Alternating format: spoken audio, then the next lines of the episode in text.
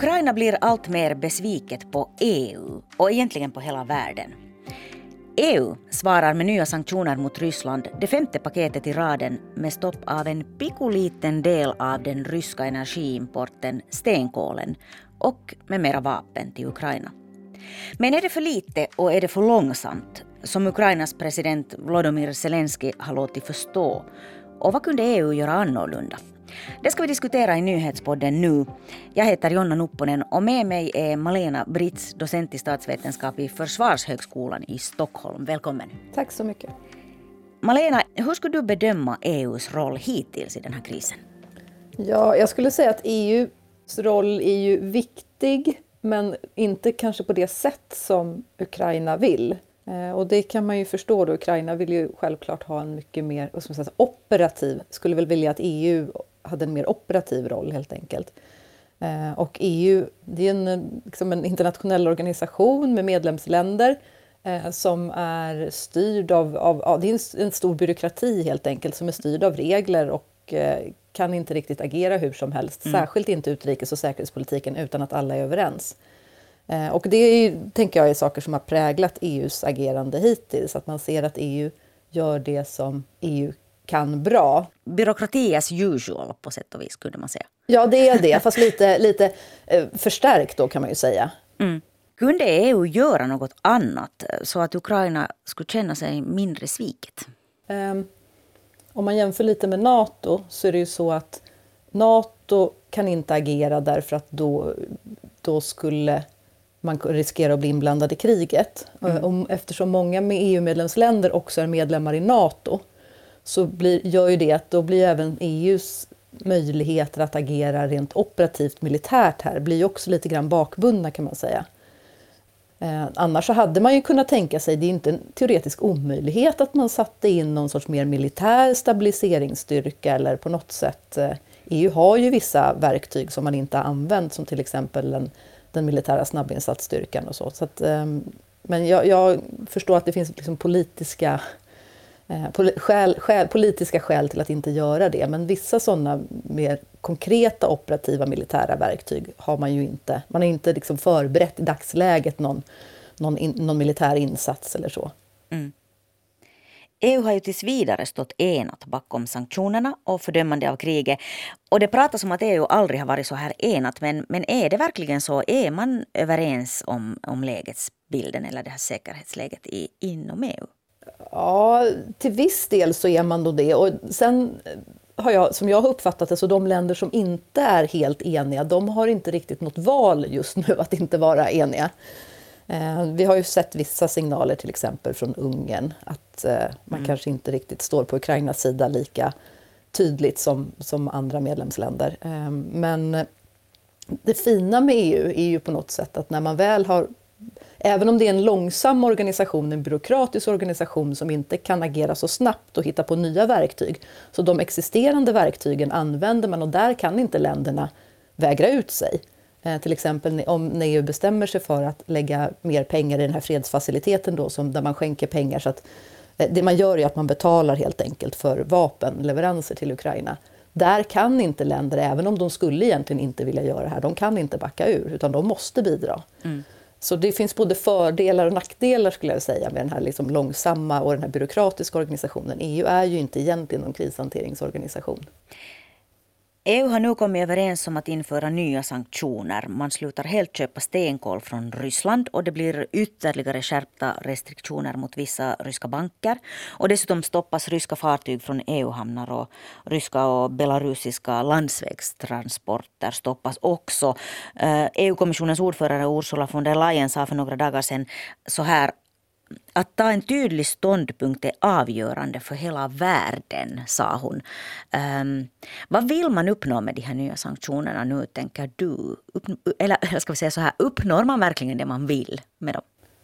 Ja, det är ju en utmaning när det gäller just energisektorn för EU eftersom mm. många EU-länder är så beroende av eh, ryska energileveranser. Eh, både kol, olja och gas. Ehm, och där, som jag uppfattar det nu, så man laddar helt enkelt inom EU för att kunna öka de här sanktionerna ytterligare.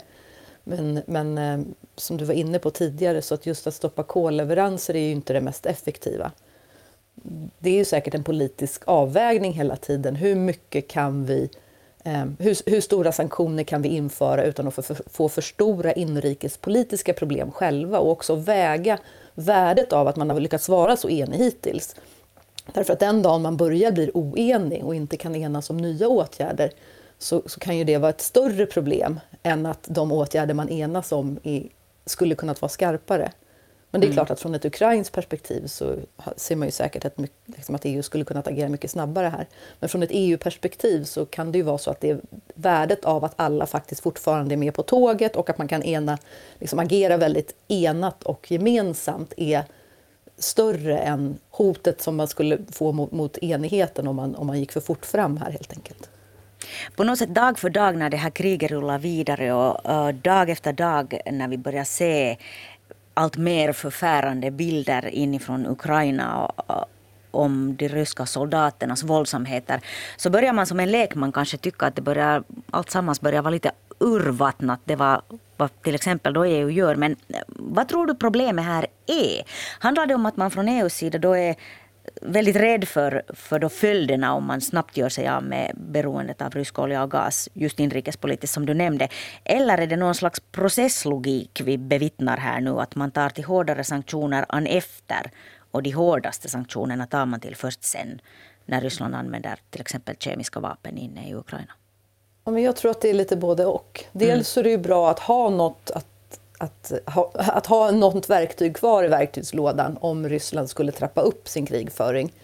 Eh, men att det också handlar om att skapa tillräckligt mycket enighet. Att man kan se det också, EU har ju frigjort pengar inte bara till Ukraina utan också till medlemsländerna för flyktingmottaganden och andra sådana åtgärder. Och här handlar det helt enkelt om hur man ska hitta en rätt nivå av säga, ekonomisk solidaritet och hur ska man jag tror att ett, ett, liksom en, en, viktig fråga för EU är ju att för att kunna genomdriva ännu hårdare sanktioner så måste man hitta mekanismer för att stötta de medlemsländer då som blir hårdast drabbade. Mm. Eh, det är en sorts solidaritetsfråga och är viktigt för att bevara enigheten som jag var inne på tidigare.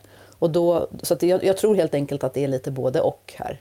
Hur kommer den här enigheten att hålla i sig? Hittills har det ju lyckats men, men sen när det börjar synas i inrikespolitiken i de enskilda länderna när värmen börjar sänkas i våra hem och privatbilismen måste begränsas och bensinpriserna går genom taket, de är höga redan nu.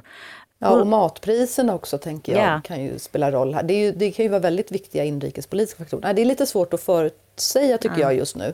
Men det är där just de här de paketen som EU bereder till, åt sig själva när man skapar fonder för flyktingmottagande till exempel, för att tydliggöra att länder som tar emot många ukrainska flyktingar, de får också stöd av EU för det. Det ska inte drabba länderna allt för mycket. Det har ju redan pratats en del om att det här kriget kommer också att synas i, i våra plånböcker och, och, man hör kanske än så länge människor anse att det kanske vi kan vara beredda att betala. Men... Nej, men och sen tänker jag också att det är svårt att förutspå hur länge för vi, vi, måste komma ihåg att vi har precis kommit ur en pandemi mm. och där har det satsats mycket pengar både nationellt och från EU för att undvika allt för, för hård belastning på ekonomierna på grund av pandemin. Så att de flesta medlemsländer har ju redan öppnat sina plånböcker och eh, ökat de offentliga utgifterna helt enkelt. Eh, och då är det ju frågan om hur, hur många mer sådana åtgärder, både nationellt och på EU-nivå, som man har råd med helt enkelt att, eh, att genomföra. Då, då kanske de här frågorna blir liksom lite vassare rent politiskt, både inrikespolitiskt i olika medlemsländer och i EU. Någonstans mm. måste ju ändå pengarna komma från och vi kommer behöva göra hårda prioriteringar. Och till det hör ju också att kriget nu bidrar till att många medlemsländer höjer sina försvarsbudgetar. Vilket tar från de offentliga finanserna totalt sett. Så. Ukrainas president Zelensky är på en virtuell turné i de europeiska parlamenten som bäst eh, Också i Finland idag faktiskt pratar han. Vilken betydelse tror du att hans vädjanden i parlamenten i Europa har? Jag tror faktiskt att de har stor betydelse. De har stor betydelse för politikernas vilja nu när kriget drar ut på tiden att fortsätta stötta Ukraina eh, på de sätt som man ändå har gjort. Eh, så jag, jag, tror att det är en eh, Ja, det har stor betydelse helt enkelt. För att bibehålla den politiska viljan att, och också känna att man fortfarande kan bidra och göra skillnad. För det är ju en utmaning, tänker jag, för Ukraina när de vill ha stöd nu i kriget, när det blir ganska utdraget. Att medlemsländerna i EU och ja, alla länder egentligen tänker att ja, men nu har vi gjort vårt bidrag. Eh, kan vi göra något mer? Kan vi fortfarande göra skillnad? Och det han, det han gör är att han är ute och påminner om medlemsländerna om att ni kan fortfarande göra skillnad. Mm. Eh, ni kan fortfarande hjälpa oss. Det är inte så att det är, det är för sent nu. Och jag tyckte han hade sådana formuleringar nu, att det är nu, ska ni göra någonting så är det nu. Han försöker hela tiden få olika stats och regeringschefer att helt enkelt förstå att det är nu man måste agera. Eh, och så har det ju varit under en tid och det kommer bli viktigt för honom om det här kriget drar ut på tiden, vilket ju verkar se ut att göra just nu. Mm. Vad kan EUs roll vara i ett utdraget krig i Ukraina? Ja, jag tror nog att en, en viktig roll är, är den som jag varit inne på, att, att hålla ihop. Att stötta medlemsländerna så att man kan fortsätta att visa en enad front mot Ryssland. Eh, det är ju en väldigt viktig roll. Eh, mm. Och sen också det, det, liksom det faktiska Ehm, biståndet som man ger Ukraina på olika sätt. Det är ju både i termer av pengar, humanitärt bistånd, i termer av olika eh, materiel, eh, både civil materiel och försvarsmateriel, mediciner och så. Så att, att fortsätta att se till att det här flödet in i, liksom till Ukraina, att det fortsätter att, att fungera. Och här har ju EU också eh, ja, startat sådana logistikhubbar i östra Europa för att helt enkelt förenkla då inflödet av, av uh, olika sorters både civil och annan materiel till Ukraina. Det där som EU är, är bra på organisation ja. och byråkrati. Liksom. Precis. För ja. det, det, jo, det, är inte, det ordet jag inte sa, men som jag tänkte på, det är uthållighet. Att man helt enkelt hjälper Ukraina att skapa en uthållighet i ett mm. utdraget krig. Och det är ju en väldigt viktig sak såklart, även om det inte är samma sak som att skapa en flygförbudszon eller komma med trupp på marken, så är ändå stödet till uthållighet viktigt. Den här isoleringen av Ryssland ur den internationella gemenskapen är redan igång. Um, flera EU-länder och också USA utvisar nu ryska diplomater. Uh, Ryssland uteslöts ur FNs människorättsråd så sent som igår. Vad kan det här ha för konsekvenser på sikt? Det är ju, alltså att utvisas diplomater är ju, som jag ser en symbolisk handling i första hand. Mm. Och det är bara ytterligare ett sätt att, att markera missnöje med Rysslands krig i Ukraina.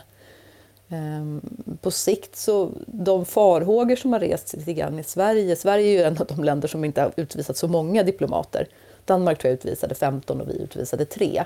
Um, och här, här har det ju kommit viss kritik, men de farhågor som man ser är väl just den här möjligheten till politisk dialog mm. och möjligheten till insyn i den ryska inrikespolitiken och det ryska tänkandet.